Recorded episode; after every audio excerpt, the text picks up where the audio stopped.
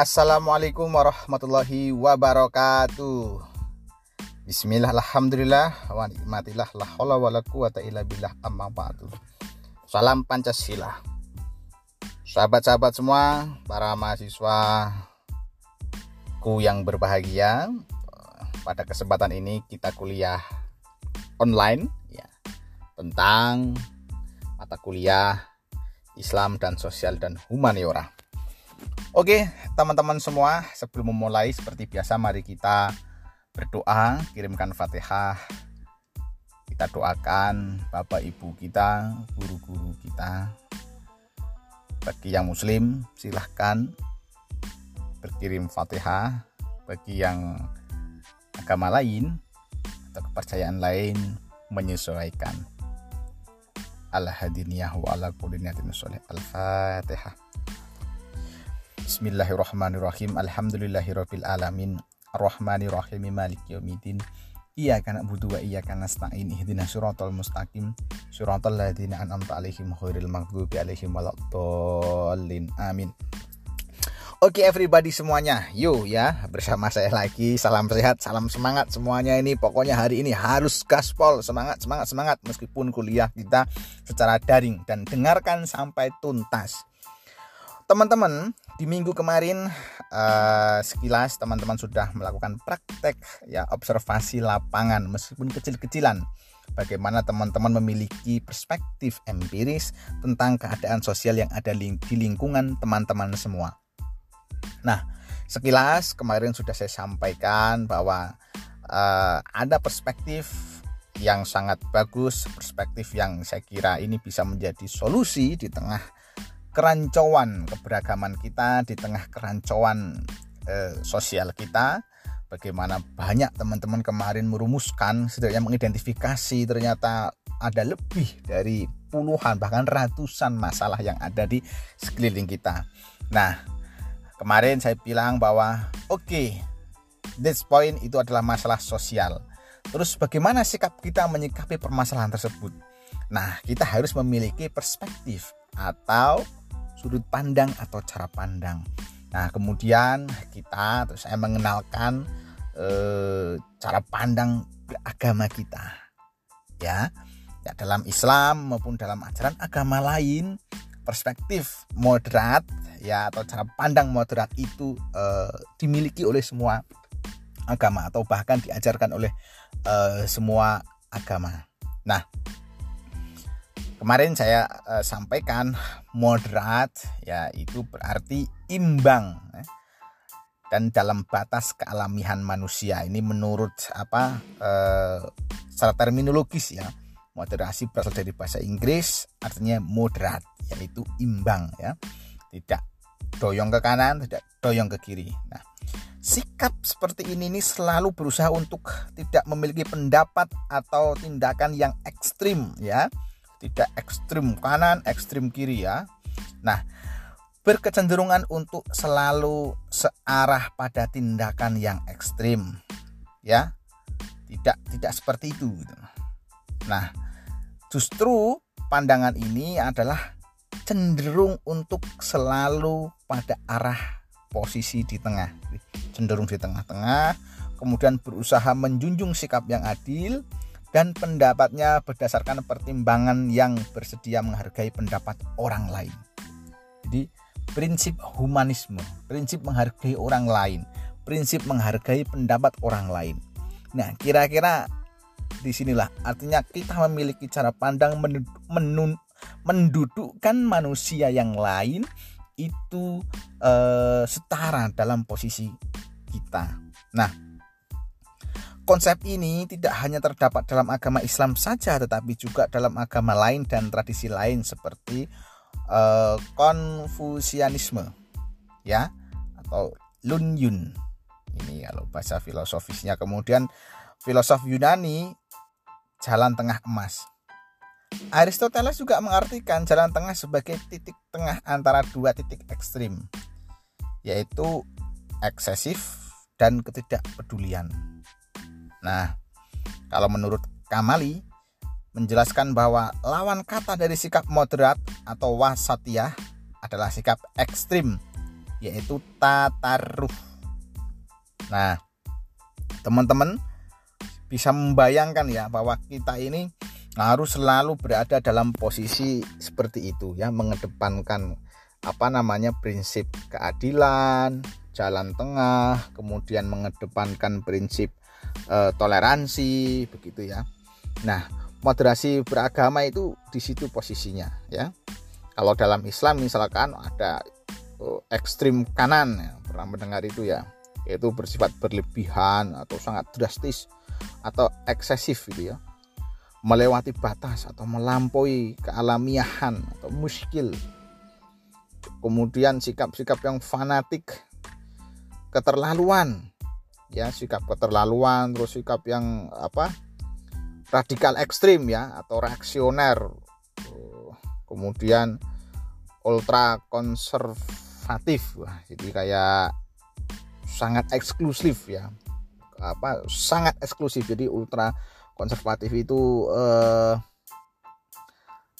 sangat eksklusif sekali. Tidak tidak mengakui ya atau tidak bisa menerima keberadaan yang lainnya gitu.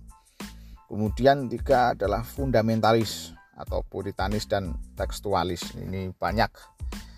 Dulu bahkan sampai sekarang kita jumpai bahwa dari agama Islam pun yang masih menerapkan atau memegang teguh ya konsep-konsep fundamentalis atau puritanis itu yang tekstualis. Jadi pokoknya kalau nggak ada dinas ya tidak ada toleransi sama sekali jadi dia tidak mengenal atau toleransi terhadap budaya itu uh, tidak tidak menghargai itu atau tidak mentolerir itu. Kemudian akal yang kiri, ekstrim kiri ini, yaitu ekstrim tentang akal pikiran. Apa contohnya? Sekular dan liberal gitu ya. Kemudian kebebasan yang absolut tidak ada batas bebas. Ini yang menjadikan bahkan dalam konteks eh, seksual pun bebas gitu ya. Pokoknya kebebasan semua nggak mau diatur oleh apa pun baik agama norma pokoknya individu yang apa eh, jadinya mengarah ke individualisme. Pokoknya yang penting tidak mengganggu ketertiban umum atau apa pun itu nggak mengganggu diri sendiri gitu. Yang penting eh, bebas wikmu wikmu wikku wikku wikmu wikku wikku wikmu mas pokoknya nggak ada batasan-batasan yang jelas mengatur itu. Nah itu apa kira-kira akal uh, ekstrim kiri. Nah, teman-teman semua, uh, nanti kita akan mempelajari bahwa hmm, moderasi dalam konsep Islam, kemudian nanti dalam konsep Kristen, Katolik, Hindu, Buddha, dan Konghucu. Jadi agama-agama itu juga apa namanya mengedepankan konsep moderat atau wasatiyah gitu ya. Nah, ini konsep ini sesungguhnya sudah lama ada sejak zaman Nabi begitu ya. Bagaimana Rasulullah Shallallahu Alaihi Wasallam eh, sangat toleran, sangat menghargai kemudian eh, kepada masyarakat yang lain. Ketika beliau hijrah ke dari Mekah ke Madinah, Madinah di jadikan apa namanya sebagai negara ya. Negara yang madani beragam yang menghargai yang toleran terhadap e, kebudayaan perbedaan agama yang lain kemudian pokoknya menjadi pusat peradaban dunia di Madinah. Kenapa? Karena di situ beragam keyakinan beragam apa suku ras kemudian bisa bersatu saling toleransi satu sama lain. Nah Konsep ini berkaitan erat dengan semua permasalahan yang ada di dalam Islam, baik dalam perspektifnya, keyakinannya, dan tindakan individu maupun komunitas dan masyarakat. Jadi, warga negara yang memiliki sikap moderat akan mendorong terciptanya keselarasan perilaku individu dan pandangan masyarakat yang pada akhirnya menciptakan hubungan antar individu yang harmonis, kemudian uh, dinamis ya dalam persatuan kemudian uh, pandangan ini juga akan menghindari perpecahan serta apa namanya menghargai perbedaan. Akan tetapi konsep ini sering dikesampingkan meskipun terlihat jelas manfaat dan pentingnya dalam kehidupan sehari-hari. Namanya kita dari dulu ya bahwa semboyan dari Mojopahit kerajaan Majapahit. Bihneka Tunggal Ika.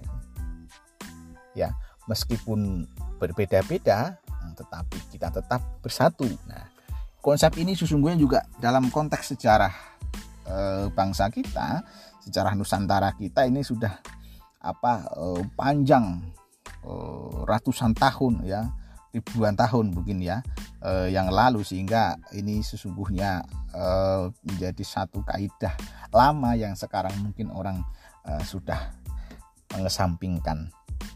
Nah, dalam Islam kata wasatiyah ini berasal dari kata wasat yang secara literal memiliki arti adil atau jalan tengah atau terpilih gitu ya. Wasatiyah juga bisa memiliki arti kuat seperti pada pemuda yang merupakan posisi kuat di antara kelemahan waktu masa kecil dan waktu tua. Jadi wasatiyah, jadi pemuda.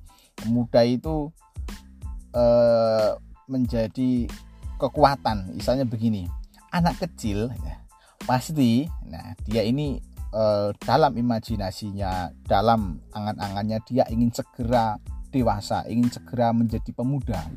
Karena di situ masih kuat-kuatnya jadi teman-teman semua ini mahasiswaku semua kalian ini di masa-masa yang paling kuat nih, masa-masa wasat nih.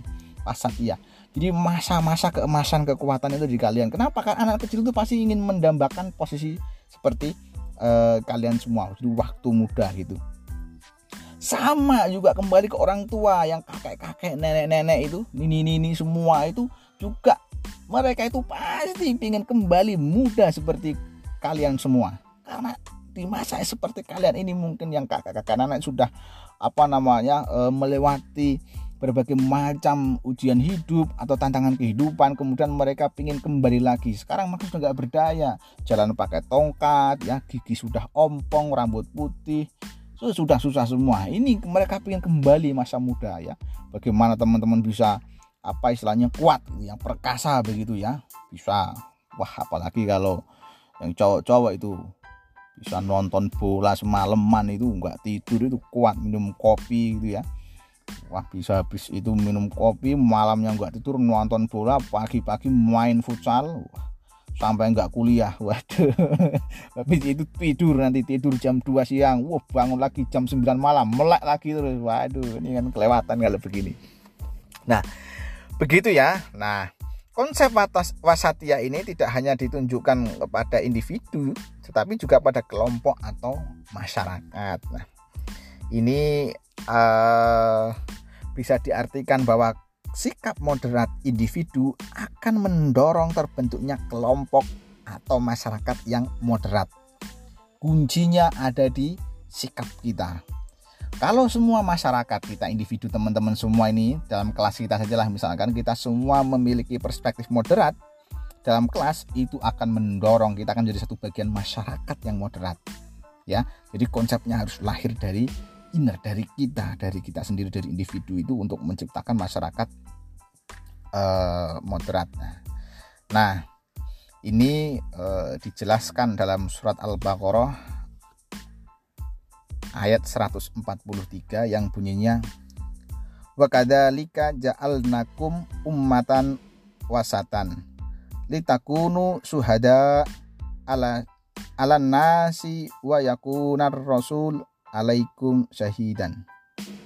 Yang artinya dan demikian itu kami telah menjadikan kalian umat Islam ya.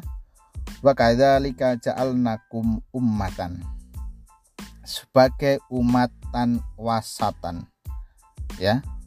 Wasatan litakunu suhada agar kalian menjadi saksi atas perbuatan manusia.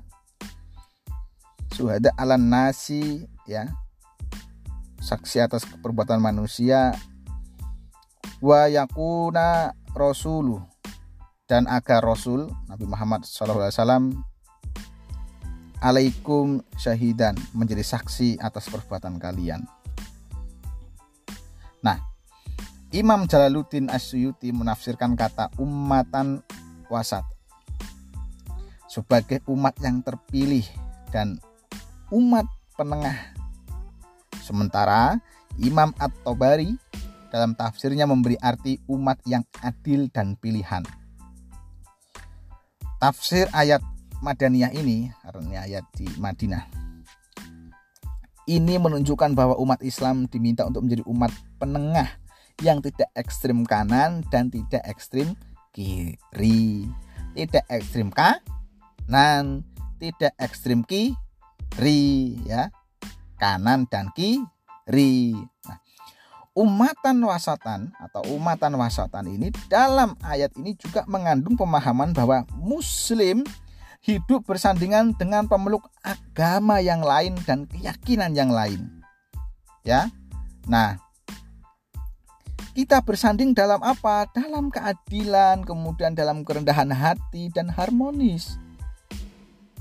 Korodawi memberi penjelasan lebih jauh bahwa umatan wasatan itu adalah masyarakat yang seimbang antara ilmu dan amal. Wow. Imbang nih antara ilmu kalian dan amal kalian. Ya ilmunya dapat diamalkan gitu ya.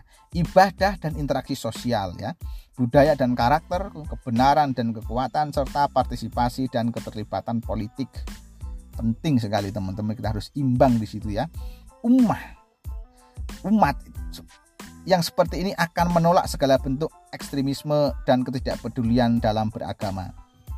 Nah, polarisasi agama ya dalam konteks politik kita temui itu kemarin di misalkan di Pilgub DKI Jakarta bagaimana orang apa secara simbolik dipolarisasi untuk kepentingan-kepentingan politik yang itu sangat berbahaya bagi uh, kutuhan bagi persatuan bangsa dan negara kita. Nah, ini yang harus kita hati-hati di situ. Kita jangan sampai terjebak pada uh, polarisasi-polarisasi uh, agama untuk kepentingan uh, politik. Nah, dalam uh, konsep lain, konsep umatan wasatan ini tidak hanya terbatas pada perspektif dan karakter individu terhadap perbuatan atau kejadian yang berkaitan langsung dengan individu tersebut. Sikap moderat juga terkait pada bagaimana sesungguhnya individu merespon serta mengambil tindakan pada apa yang terjadi di sekitarnya. Ya, dan tidak sesuai dengan sikap moderat itu sendiri. Nah, dalam pendapat lain yang dikemukakan oleh David ya, dan Wakhid, umatan wasatan adalah komunitas yang selalu dinamis dalam memberikan penilaian kritis. Ingat ya, orang yang dinamis dalam memberikan penilaian kritis yang independen dengan memformulasikan serta menyampaikan respon terhadap isu-isu kontemporer sehingga pendapat yang disampaikan memperkuat persatuan, integritas dan rasa memiliki serta menghindari ungkapan-ungkapan yang menimbulkan pertikaian dan pecah belah. Sekarang kita banyak temukan itu. Buzzer-buzzer ya. Di YouTube, di medsos yang lain. Kita temukan para buzzer itu sekarang justru memperkeruh suasana ya. Dalam satu sisi mereka eh, kadang eh, mempertunjukkan bahwa moderat begitu ya eh, nasionalis begitu tapi dalam cara mereka untuk menyampaikan pesan gitu mereka kadang menciderai justru menciderai rasa kemanusiaan itu nah ini yang perlu kita apa namanya kita jaga dan junjung tinggi bagaimana eh, posisi kita sebagai masyarakat moderat untuk bisa berperilaku moderat, berkata-kata moderat, juga bisa bersikap moderat dan menerima apa namanya e, perbedaan ya dari satu yang lain begitu. Nah, makanya rata eh, rata-rata orang yang memiliki nalar kritis ya dalam pandangan hidupnya dia tidak akan mudah ya e, terperangkap atau tidak akan mudah Oh, terjerembab dalam perspektif-perspektif ekstrim gitu ya. Nah, teman-teman semua, dulu tahun 2018 di Bogor, Indonesia itu menyelenggarakan KTT Alim Ulama dan Cendikiawan Muslim Dunia. Ya dulu 2018 teman-teman mungkin nanti masih ingat atau enggak itu ya. Atau mungkin bisa dicari nanti referensinya ya. Acara tersebut uh, kalau tidak salah namanya High Level Consultant of World Muslim Scholars on Wasatiyah. Jadi ini pertemuan para ulama seluruh dunia untuk membahas makna dari wasatiyah atau makna dari moderat. Ya. Nah jadi para ulama ini kemudian memperluas arti wasatiyah. Tidak hanya dari sekedar jalan tengah mereka merumuskan ada tujuh prinsip ya. Seven prinsip atau nilai utama wasatiyah. Jadi seven values atau friend seven principal values wasatiyah. Wah, ini bahasa Inggrisnya keren saya ini. Iya. tujuh prinsip atau nilai utama wasatiyah yaitu yang pertama apa teman-teman semua? Tawasud. Apa itu tawasud? Yaitu jalan tengah yang tidak ekstrim kiri dan kanan. Kemudian iktidal, adil, tasamuh, toleran, syura atau musyawarah, ya bermusyawarah berunding ya diskusi mufakat gitu ya musyawarah islah. Islah ini terlibat dalam tindakan yang reformatif dan konstruktif. Jadi kalau kalian misalkan biasanya dengar nih kalau partai politik ya perebutan kekuasaan pecah jadi dua kemudian islah ya kan berdamai islah. Nah ini reformatif dan konstruktif ya terlibat dalam tindakan yang reformatif dan konstruktif Kemudian kutwatiyah atau melahirkan inisiatif yang mulia dan memimpin untuk kesejahteraan manusia. Dan yang terakhir yang sifatnya dunia adalah watoniyah wa muwattanah yaitu menghormati negara bangsa dan menghormati keluarga negaraan. Ini sesuai prinsip Undang-Undang Dasar 45 atau Undang Pembukaan Undang Dasar 45 bahwa Indonesia terlibat dalam menciptakan perdamaian dunia. Nah, di sini salah satu momentumnya ketemu bagaimana menghormati negara bangsa dan menghormati kewarganegaraan. Jadi kita saling menghargai, menghormati bangsa-bangsa yang lain. Nah, sementara pandangan lain dari tokoh NU misalkan, ini Kiai Afifuddin Muhajir Islam Wasatiyah merupakan suatu metode atau pendekatan dalam mengkontekstualisasi Islam di tengah-tengah peradaban global.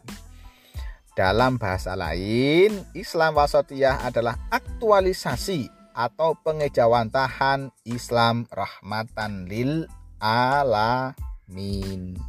Ya, rahmat untuk segala alam, untuk semua alam semesta ini. Nah, Kiai Haji Afifuddin Muhajir menjelaskan bahwa dalam hukum syari atau hukum Islam terlihat sifat wasatiyah dan keseimbangan menyangkut berbagai persoalan seperti keseimbangan antara ketuhanan ilahiyah dan kemanusiaan insaniah ya. Kemudian keseimbangan antara nas, teks dan ijtihad atau nalar kita. Kemudian keseimbangan antara nusus atau nas Al-Quran dan hadis dan makosid atau tujuan ditetapkannya syariat. Kemudian keseimbangan antara ketegasan dan kelenturan, keseimbangan antara idealisme dan realisme. Nah, keharusan mempertimbangkan makosid menyebabkan perkembangan hukum Islam menjadi dinamis dan kontekstual Hal demikian memiliki konsekuensi lahirnya dalil-dalil sekunder dalam Islam seperti kias, maslahah, istislah, dan urf. Nah, dalil-dalil sekunder tersebut kadang menjadi dalil tersendiri yang bersifat operasional. Nah, ini sedangkan menurut Pak Wahyudi mengutip dari Abu Fadl bahwa moderasi beragama adalah beragama yang cocok untuk setiap tempat dan zaman, bersifat dinamis dan menghargai tradisi-tradisi masa silam sambil direaktualisasikan dalam konteks kekinian. Ini diperkuat oleh pendapat dari Pak Kamali yang berpendapat bahwa sifat moderat tidak akan memiliki arti kecuali apabila diterapkan dan teraktualisasikan dalam sebuah konteks. Nah, teman-teman semua, berdasarkan oh, tafsir, definisi di atas semua ya, pandangan-pandangan para alim, ulama, kemudian tafsir yang ada begitu, maka jelas terdapat apa perbedaan sikap moderat di antara umat Islam di seluruh dunia. Untuk mengidentifikasi perspektif dan sikap moderat, maka Yusuf Al-Qadrawi seorang tokoh seorang tokoh ikhwan moderat mengungkapkan rambu-rambu tentang moderasi beragama ini. Antara lain, satu, pemahaman Islam secara komprehensif. Ya, teman-teman harus memiliki pemahaman itu. Kemudian keseimbangan antara ketetapan syariah dan perubahan zaman kemudian antara dukungan kepada kedamaian dan penghormatan nilai-nilai kemanusiaan. Keempat, pengakuan akan pluralitas agama, budaya, dan politik. Lima, pengakuan terhadap hak-hak minoritas. Sementara Profesor Abdillah memberi standar minimal moderasi beragama yang meliputi pengakuan atas per, pengakuan atas keberadaan pihak lain kepemilikan sikap toleran, penghormatan atas perbedaan pendapat, dan tidak memaksakan kehendak dengan cara kekerasan. Itu konsep moderasi beragama dalam Islam. Nah, sementara kuliah kita sampai di sini dulu teman-teman semua. Jadi poinnya bahwa moderasi beragama atau kita memiliki sikap moderat, memiliki cara pandang moderat adalah sebagai upaya yang harus dipupuk ya harus dilatih teman-teman harus melatih itu agar kita tidak menjadi manusia yang kaku ya yang keras yang ekstrim dan membahayakan atau membahayakan ya bagi orang lain bagi keutuhan negara dan seterusnya. Jadi dalam konteks keyakinan beragama kita harus yakin terus bahwa dalam konteks ketuhanan sebagai umat muslim ini ya sebagai umat Islam dalam dalam konteks ketuhanan kita harus yakin harus teguh. Harus istilahnya kita memiliki fanatisme terhadap keyakinan kita ya dalam sikap batiniah atau individu.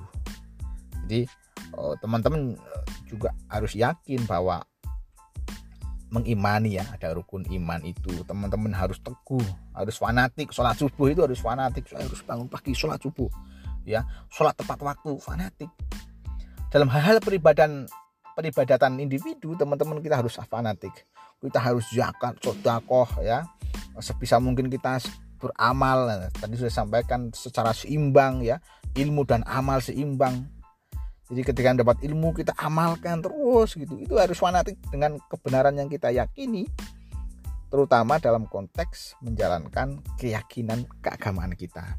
Tapi ketika dalam konteks hubungan manusia dengan manusia yang lain, individu dengan individu yang lain, atau kita dengan kelompok sosial yang lain, atau di tengah-tengah masyarakat, kita harus mengedepankan pendekatan moderat. Saya kira begitu teman-teman semua. Eh, semoga teman-teman bisa mendapat insight pada uh, sesi ini. Tentu lebih kurangnya saya mohon maaf. Tetap semangat. Salam Pancasila. Teman-teman semua, mari kita akhiri sesi ini dengan berdoa dalam hati masing-masing, membaca surat al-asr bagi yang muslim dan bagi yang lain silakan menyesuaikan. Berdoa mulai. Baik, Terima kasih. Kita berjumpa lagi di minggu depan. Pakupon Omah Toro, cekap semantan mawon menawi lepat yun ngapuro. Salam Pancasila. Assalamualaikum warahmatullahi wabarakatuh.